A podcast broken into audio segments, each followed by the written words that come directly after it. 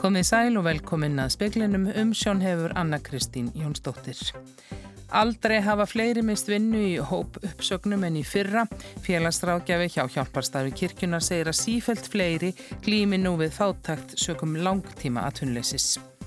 Seks ára barn stórslasaðist þegar fjall og leiktæki á skólalóð í Kópavogi í november. Leiktækið uppfyllir öryggiskröfur. Um 80 aldraðar býðan á landsbítur eftir að komast á hjúkurnaheimili og fyrir í dag voru næstum 30 manns á bráðamóttökunum sem býði þess að komast á aðra deildir spítalans sumir á göngunum. Yfirleiknir segir þetta óvið unandi. Og færi sóttum að stunda nám á atvinnleysisbótum en búist var við meiri hlutu umsækjanda er erlendir atvinnleitendur. Tæplega 9.000 mistu vinnuna í 141 hóp uppsögn á síðast ári og hafa aldrei verið fleiri. Langtíma atvinnleysi hefur tvöfaldast á ár, einu ári og fleiri leita sér nú aðstóðar hjá hjálparstarfi kirkunar. Atvinnuleysi hefur verið í sögulegu hámarki undanfarna mánuði og eikist hratt frá því faraldurinn hóst. Aldrei hafa fleiri hópuppsagnir verið tilkynntar til vinnumálastofnunar eins og á síðasta ári og um fjögur þúsund manns hafa verið án vinnu í tól mánuði eða lengur. Vilborg Ottstóttir, félagsráðgjafi hjá hjálparstarfi kirkjunar, segir að sífelt fleiri leiti sinu aðstóðar vegna matar, skors og fjárhagsvandraða og búistir við að næstu mánuðir verði þeir erfiðustu frá því faraldurinn hófst. Það er mikil aukning, bara alveg hefur verið bara frá því að, að COVID kom og, og fyrirtæki byrjuði að loka, það hefur verið mjög mikil aukning og aukningin hefur verið langmest hjá þeim sem eru atvinnuleysir, lang lang mest og þannig að við, við finnum það og við vitum að það mun auka og erum, erum alveg búa okkur undir það að, að taka á móti þessum hóp í, í, í auknum mæli. Þessir mánuðir sem eru framöndan, verða þeir erfir? Þeir eru verið mjög erfir. Þá er náttúrulega eins og ég segi, fólk er komið þá að læstu atvinnuspæturnar, búinir að borða út úr skápanum, búinir að með kannski ef við áttu ykkur spari pening fyrir, allt búið og kannski búin að reyna allt. Fólk reynir náttúrulega allt áður en fyrir að hjálpastofnarnir til að byggja eftir aðstóð. Saði Vilborg Ottstóttir, hauskuldur Kári Skram talaði við hana. Hátt í 30 sjúklingar byðu á bráðamóttöku landspítala eftir innlögn á aðrar deildir spítalans fyrir í dag. Um 80 aldraðir einstaklingar byða á ímsum deildum landspítalans eftir því að komast á hjúkunarheimili. Sumir líkja á göngum og yfirleiknir bráðamóttöku segir að það sé engan veginn bóðlegt. Síðtegis byðu 16 sjúklingar á bráðamáttökunni, þar á lágu nýju á göngum spítalans. Talan var talsvert herri fyrir dag að sögn Jóns Magnúsar Kristjánssonar yfirleiknis bráðamáttökunar. Staðan hefur verið ansið þungja okkur í dag. Þannig voru í morgun 25 sem að byðu innlegnar á deildinni hjá okkur og fór mest upp í 29 á þessum sólafing. Við höfum verið að sjá núna undanfarnar daga að það hefur verið vaksandi hindrönd fyrir innlagnir á spítaran vegna pláslýsis. Jón segir að af þeim 80 öldruð einstaklingum sem býða á spítalanum sé 31 í bráðaplási. Hann segir sjúklinga þurfa að býða í rúman sólarring eftir innlögn. Það er tala sem er mun hærri heldur við myndum vilja sjá. Hvernig er aðstæðan fyrir þetta fólk sem það liggin á bráðamöttöku? Við geta ekki allir þeir verið til dæmis á einbíli. Við þurfum að finna nýjum einstaklingum sem leita til okkar á göngum og við ekki alveg fullkomnar síkingavarnir. Er það ekki slæmt í heimsfaraldri að þurfa að láta fólk liggja á göngum? Jú, við viljum alltaf fyrir alla muni komið vekk fyrir að þurfa að gera þetta. Sagði Jón Magnús Kristjánsson, Anna Lilja Þóristóttir talaði við hann. Seks ára drengur ryggbrotnaði þegar hann fjall þrjá metra úr leikkastala við Snælandsskóla í Kópói í nóvember. Hann gæti ekki hreift fæturna fyrst eftir slísið en hefur braggast, þrátt fyrir að vera enn með verk í bakkinu. Kastalinn er með erlendar örgisvottanir og uppfyllir nöðsynlega staðila. Hrönn Óskarsdóttir móðurdrengsins er undrandi á að svona slís geti orðið í tækjum sem uppfylla örgiskröfur. Ég ekkert neginn sko held að leiktækis á skólalóðum væri bara að það væri svo strangi staðilar að ekki, að ég þyrti ekki að pæla í, ég þyrti ekki að lappa um skólalóður og, og hugsa hvort það væri slísagildur þar. E, þegar ég kem svo hérna eftir slísi til þess að átta mig á hvað gerðist og sé hérna þessa hæð sem hann dettur niður úr og þennan, þennan, þennan sko, þrýhetning sem hann dettur á sem slasar barnið að, hérna, að þetta var svo ábyrgandi að þetta er svo mikil slísagildra þú veist að sjá þá allir sem horfa hann á kastala hann er í rauninu bara stór hættulegur Saði Hrönn Óskarsdóttir og nánar verður fjallað um þetta í sjónvarpsfréttum Efsta hættustig, það femta, tekur gildi í Danmörku vegna mikillar útbreyslu COVID-19 þar í landi. Þetta kom fram á upplýsingafundi dönsku ríkistjórnarna síðdeis. Fjölda takmörk verða færð úr 10 í 5, tveggjametraregla tekin upp í stað einsmetrareglu, fólk hvað til að vera sem mest heima fyrir og þeir vinni heima sem geta, forðist að hitta aðra en eru með þeim í heimili og menn fari einir í yngöpaferðir.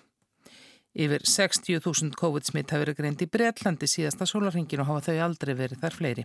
Nýtt afbreyði verunar sem talið er sérlega smittandi hefur dreifst um allt Breitland. Grípið var til útgöngubans í landinu í gær vegna mikillar útbreyðslu smitta.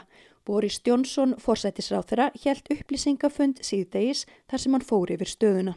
We know that there will still be long weeks ahead in which we must persevere But I want to give you, uh, the British people, the maximum possible transparency about this vaccine rollout. Forsættisráþurann sagði á fundunum að það væru erfiðar vikur framundan og fólk yrði að halda þeir út. Hann hétt miklu gagsægjum bólusetningarherferðina sem nú er hafinn. Stemtir að því að bólusetningu fjögur að fyrstu forgangshópa verði lokið um miðjan februar. 60.000 smitt voru greint síðasta sólaringin í Breitlandi og hafa aldrei verið fleiri. Afbreyði veirunar sem sagt er smittast 50-70% hraðan en önnur dreifist hratt í öllum landslutum að því er framkom á fundinum í dag. Döðsföllin í þessari bylgu eru þó færri en í þeirri fyrstu. Einn af hverjum 50 breytum hefur smittast af veirunni. Dagni Hulda Erlendstóttir sagði frá. Þeim landsmönnum hér fjölgar sem segja of lítið gert úr heilsufarslegri hættu af COVID-19 og sömu leiðis þeim sem segja að Íslensk yfirvöld geri of lítið til að bregðast við faraldrinum. Fleiri finna nú fyrir kvíða vegna veirunar. Þetta er meðal þess sem kemur fram í nýjasta þjóðarpúlsi Gallup sem um skoðanir og líðan fólks í tengslum við koronaviruna. Þegar kemur að breytum venjum þá fækkar þeim sem kaupa sér umframbyrðir, mögulega skýrist það af jólamatarinköpum. Konnunin var gerð á netinu frá 16. desember til 4. januar. Fyrstu fjóra dagana sem konnunin var opinn greindust 8 til 13 smitt á dag og herra hlutfall enkenna sína en nú greinast. Vonast er til að Livjastofnun Evrópu afgreði markaðsleifi fyrir bóluefni frá Moderna á morgun. Svandi Svavastóttir helbyrðisráð þeirra segir að tryggt sé í samningum að afhending hefjist eigi síðar en 15 dögum eftir samþygt markaðsleifis. Um, já, það sem við vitum er það að, að uh, markaðsleifið í Evrópu, að það er á dagskráfundarins á morgun. Uh, við vorum nú að vona að það myndi klárast í gær. Uh, og í beinu framaldi mun Livjastofnun síðan gefa uh, út sitt leiði. Við höfum það inn í þeim samningum, í samningunum við Moderna að það sé í raun og veru tryggt að eigi síðar en 15 dögum eftir samþýtt markaslefið hefðist afhending uh, og það segir okkur það að, að við séum að sjá á, á jafnvel strax í næstu viku einhverja skamta frá Moderna að koma. Í tilkynningu frá heilbreyðisráðuneytinu kemur fram að Ísland eigi von á 128.000 bóluefnaskömmtum frá Moderna sem dögi fyrir 64.000 manns. Von sé á 5.000 skömmtum í januar og februar en eftir það verði afhendingin hraðari. Íslendingar fái hlutfalslega sama magn og aðrar þjóðir í Evrópusamstarfi um kaupa á bóluefnum. Bergljótt Baldurstóttir tók saman. Kjörstaðir í Georgíu ríki bandaríkjunum voru opnaðir í hádeginu í dag íslenskum tíma og loka sendi kvöld. Kosið um tvö sæti í öldungadeild bandaríkja þings, mjóttu veriðist á munum og mikið í húfi. Republikanar er með meiri hluta í öldungadeildin en demokrater hafa tækifæri til að jafna fjöldan og þá kemi það í hlut varaforsitans sem brátt verður Kamila Harris að hafa åtta atkvæði í málum. Í Georgíu hafa þegar þrjár miljónir greitt atkvæði utan kjörfundar og hafa það það er aldrei verið fleiri.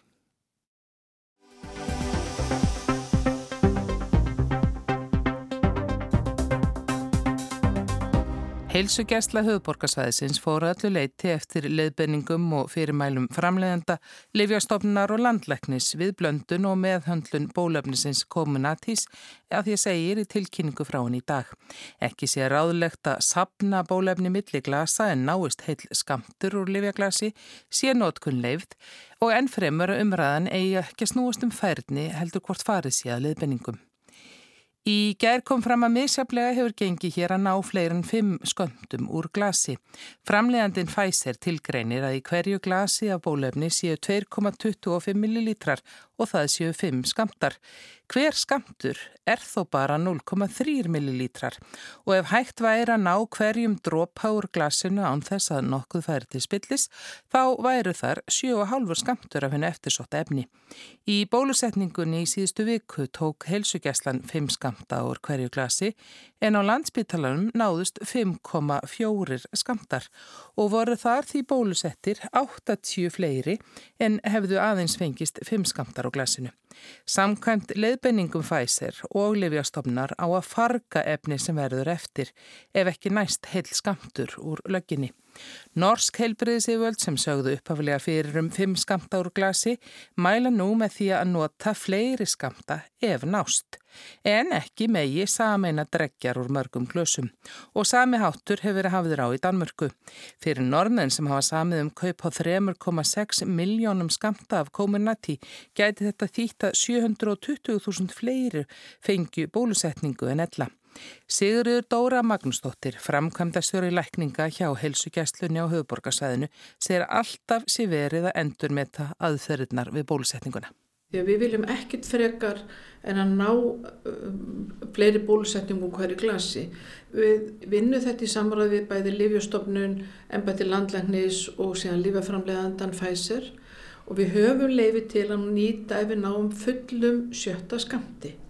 Þannig að það hefur alltaf verið á, á, á tæru, við höfum þá heimil en við bara náum honum ekki.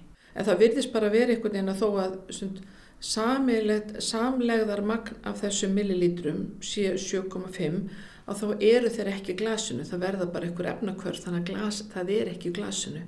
Þessir, svo eru við að leita að hvort að við getum skoðið einhvern veginn breyta nálar eða breyta spröytur Um, sem að kemur þá allt frá landsbyttalunum og opnbjörnum aðlum, við erum að nota sömu nálar og spröytur og allir sem er að bólusetta en það er, svona, það er það sem við ætlum að skoða hvort að það leynist hugsanleikum millilítra brot þar í sem væri þá hugsanlega hægt að ná í sjötta skamtin úr hverju glasi. Hún leggur ríka áherslu á leiðbeiningum um að ná verði fullum skamti úr sama glasi sér fyllt. Bólefnið er svo nýtt og það er svo óstabilt Þessum er ekki mælt með því og það er ekki ráðlagt að blanda úr mismunandi livjöglusum. Ef við fáum önnur fyrirmæli þá sjálfsögðu gerum við það en það er ekki staðan í dag. Hvenar er vona á næsta skamti?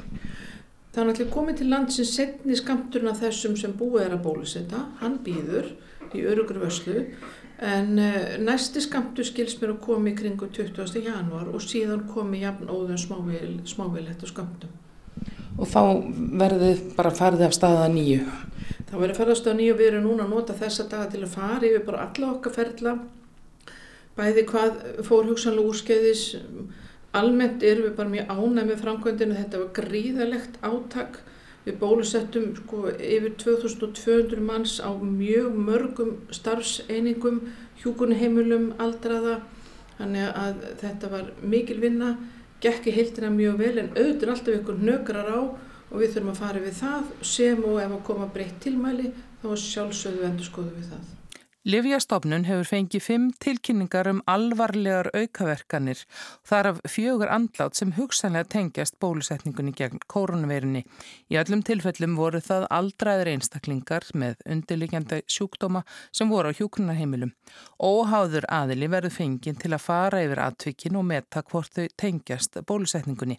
Í tilkynningu frá landlækni, sóttvarnalækni og Livjastofnun segir að ekkert bendir nú til beins orsakasamhengis og og að bera hafi í huga að í hverju viku látist um átján einstaklingar á hjókunarheimilum. Sigriður Dóra segir að auðvitað verði að skoða þessi alvarlegu mál. Við erum að bólusetta fólk sem er á hjókunarheimilum og er við mjög lélega heilsu þó sem að reyna að venda þann hóp þegar við sínt sig að bólusetning aldrei er að gefa góða raun en auðvitað náttúrulega ef ef heilsan er orðið mjög lélega þá kannski vitum við ekki alveg hvort að hvort þú séum að kannski bólusetta fólk bara of nálegt lokum lífsins. Var það eitthvað samt sem að var haft í huga af því að nú þarf alltaf að velja hverjir fá? Já, tilmæli væru þeir til þess að þeir á hjókunni heimili sem væru komin á lífsloka meðferð væru ekki að fá bólusetningu. Þannig það var, og það verður það bara að vera faglegt mat lekna á hjókunafræðinga á hjókunni heimili hverju sinni. 20. janúar koma 2000 skamtar af bólefni frá Pfizer fyrir allt landið. Það er ekki bólefni fyrir nefnum 1000 manns og ekki vita nú hvernig því verður skipt. Gert er ráð fyrir um 5000 skamtum af bólefni frá Moderna í janúar og februar þegar leifi hefur fengist. Sigriður Dóra vonar að með hækkandi sól verði búið að bólusetja nægilega marga framlínu starfsmenn og elsta og viðkomast á hópnum svo auðveldar að verði að sinna hilbriðistjónustunni áfram.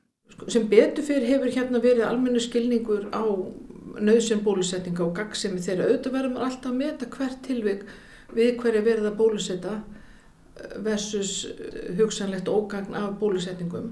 Og sem betur fyrir hefur umræðan hérna á Íslandi verið bara á mjög skinsanlega nótum. Fólk vil bara aðeins vita hvað það er að gera en ætlar í þessa vegferð með okkur sem við mælum eindri með. Við meðum náttúrulega ekki gleyma því að Við erum að bólusetja við sjúkdómi sem er mjög erfiður og hættulegur. Sama gildur en þær bólusetningar sem við erum að bólusetja við þessu ungbandavendinni, við erum kannski bara búin að gleima meira þeim sjúkdómi. Sagði Sigriður Dóra Magnúsdóttir framkvæmda stjóri lækninga hjá helsugæslu höfuborgarsvæðisins.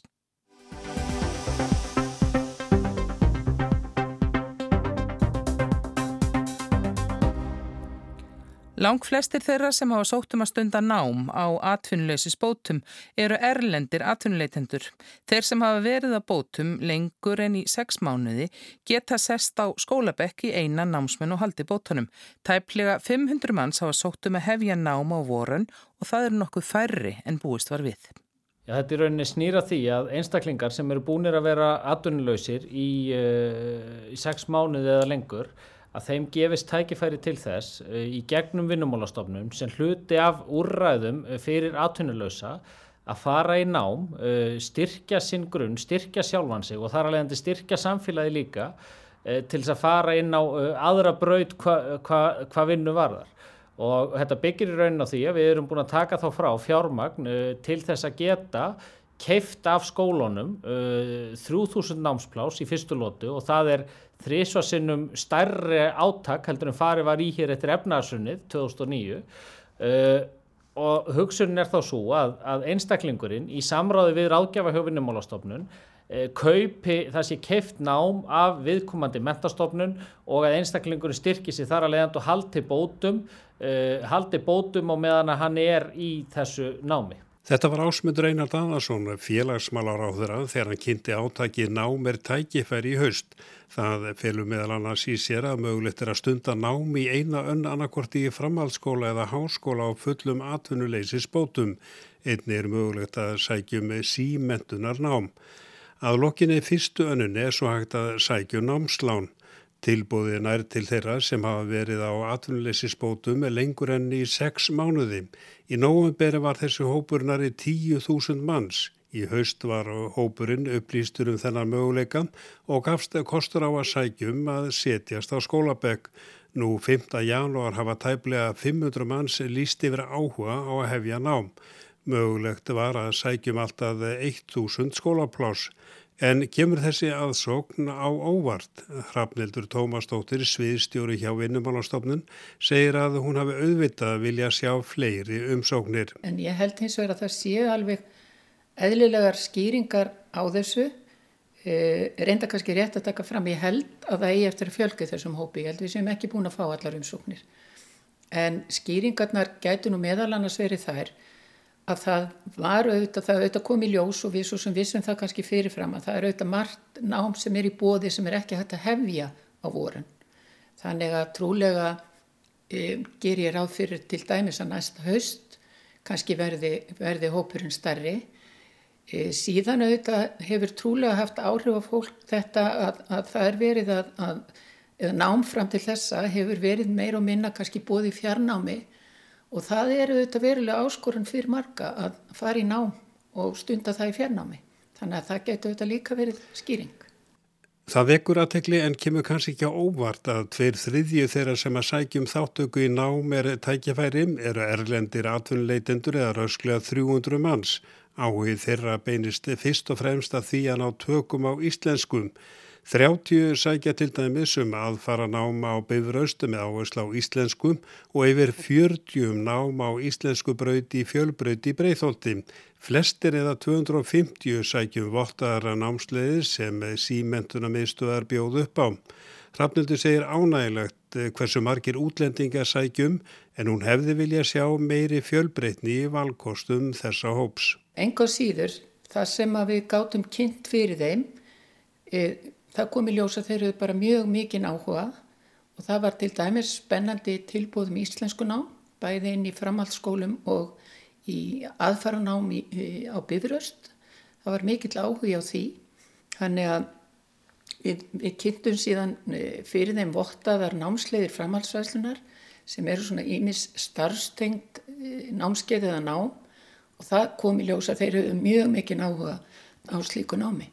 Sankvæmt reglugerðum nám er tækifæri er námsvalinu stýrt miðar við að vali sér nám þar sem atvinnumöguleikar eru fyrir hendi og henda atvinnulífinu. Rómlega 150 íslenskir atvinnuleitendur eða þeir sem að geta nýtt sér nám á íslensku hafa sótt um. Um 90 í framhaldsskóla, 54 í háskóla og 10 um framhalsfræðslu eða aðfara nám. Hrafnildur segir eh, það ákveðin vonbriði hversu fáir sækja um. Já, ég hefði í rauninni vonað að við sæjum fleiri og eins og ég sagði hérna kannski upp að við, ég, ég trúaði að það er eftir að fjölgi þessum hópi. En já, ég, ég verði alveg að hjáta ef að þetta verður niðurstaðan þá, þá svona eru það ákveðin vonbriði. Átækið miðast við það að hægt sé að stunda nám á fullum bótum í eina önn. Þessi kostur verður í bóði líka í haust og voru 2022. En hvert verður framhaldið á hrafnutur vona því að fleiri sækjum í haust? Hún segir að það fari eftir því hvernig atvinna ástandi þróast. Ég nú ráð fyrir því að það sé eflaust umtalsverður hópur sem að ætla sér í rauninu bara aftur að komast í sitt starf og býður eftir, eftir því að það gerist.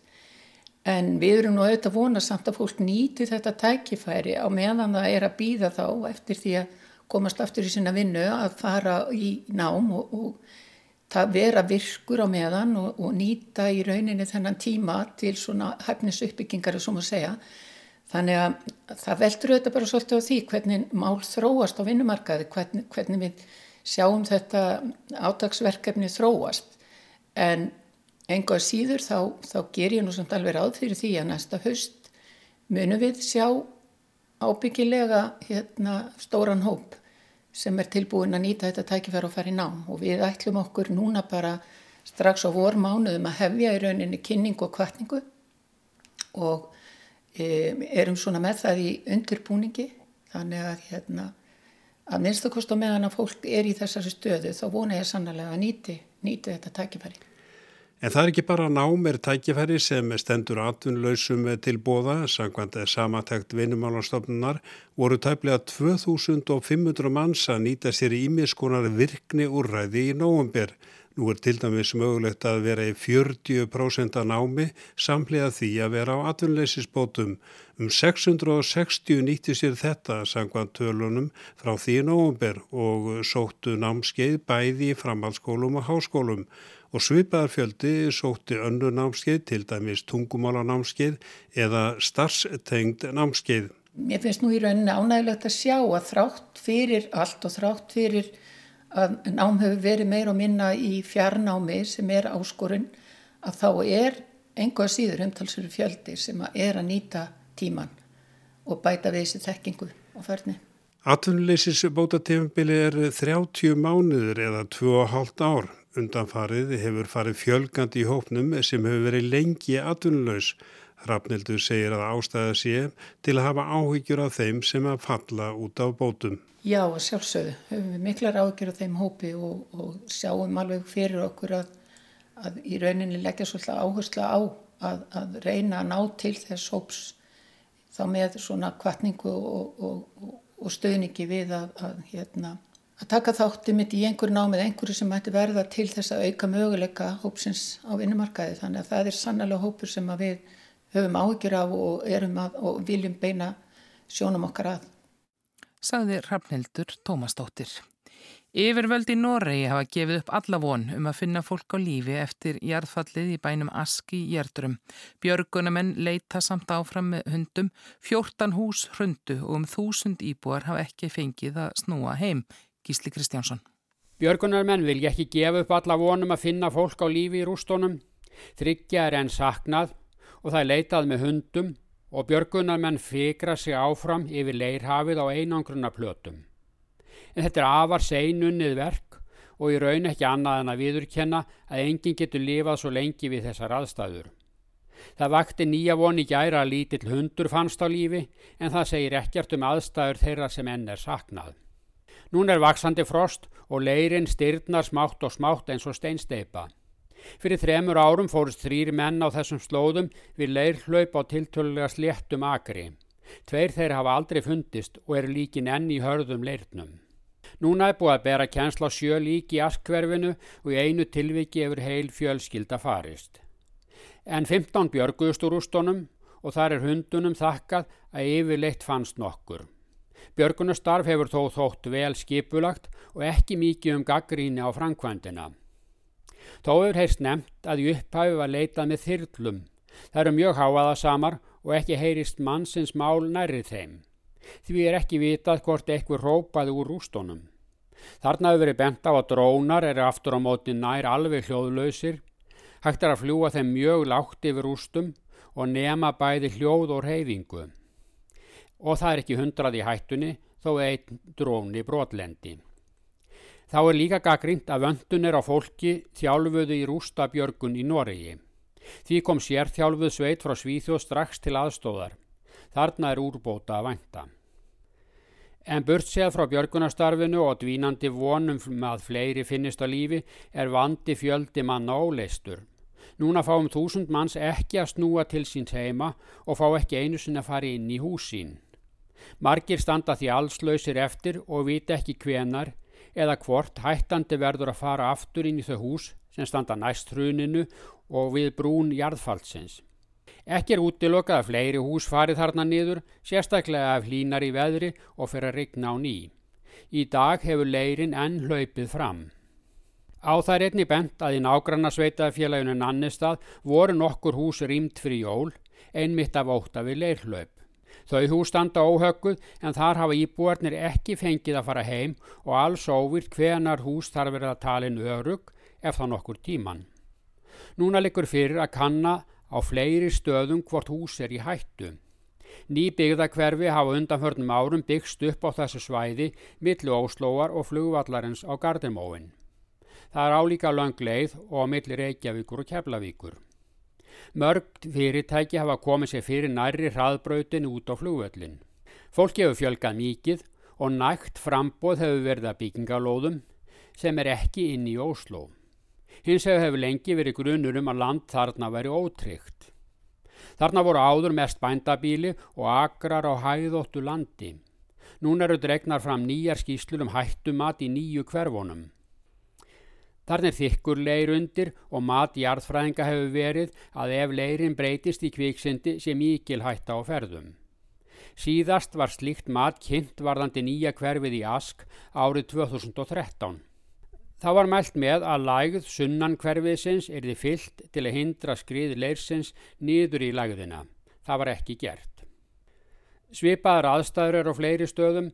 Jarðfræðingar hafa bent á að þungi nýju húsana dugi einn sér til að breyta leirnum í kviksindi, sérstaklega mikil úrkoma bætist við. Akrar sem staðið hafum aldir án þess að hlaupa fram þóla ekki þungana byggingunum á viðkvæmum stöðum. Og veðurhorfur eru þær að það verður norðvestanátt 5-13 og bjartviður á morgun, lítilsáttar jél á norður og austurlandi og fristir um allt land.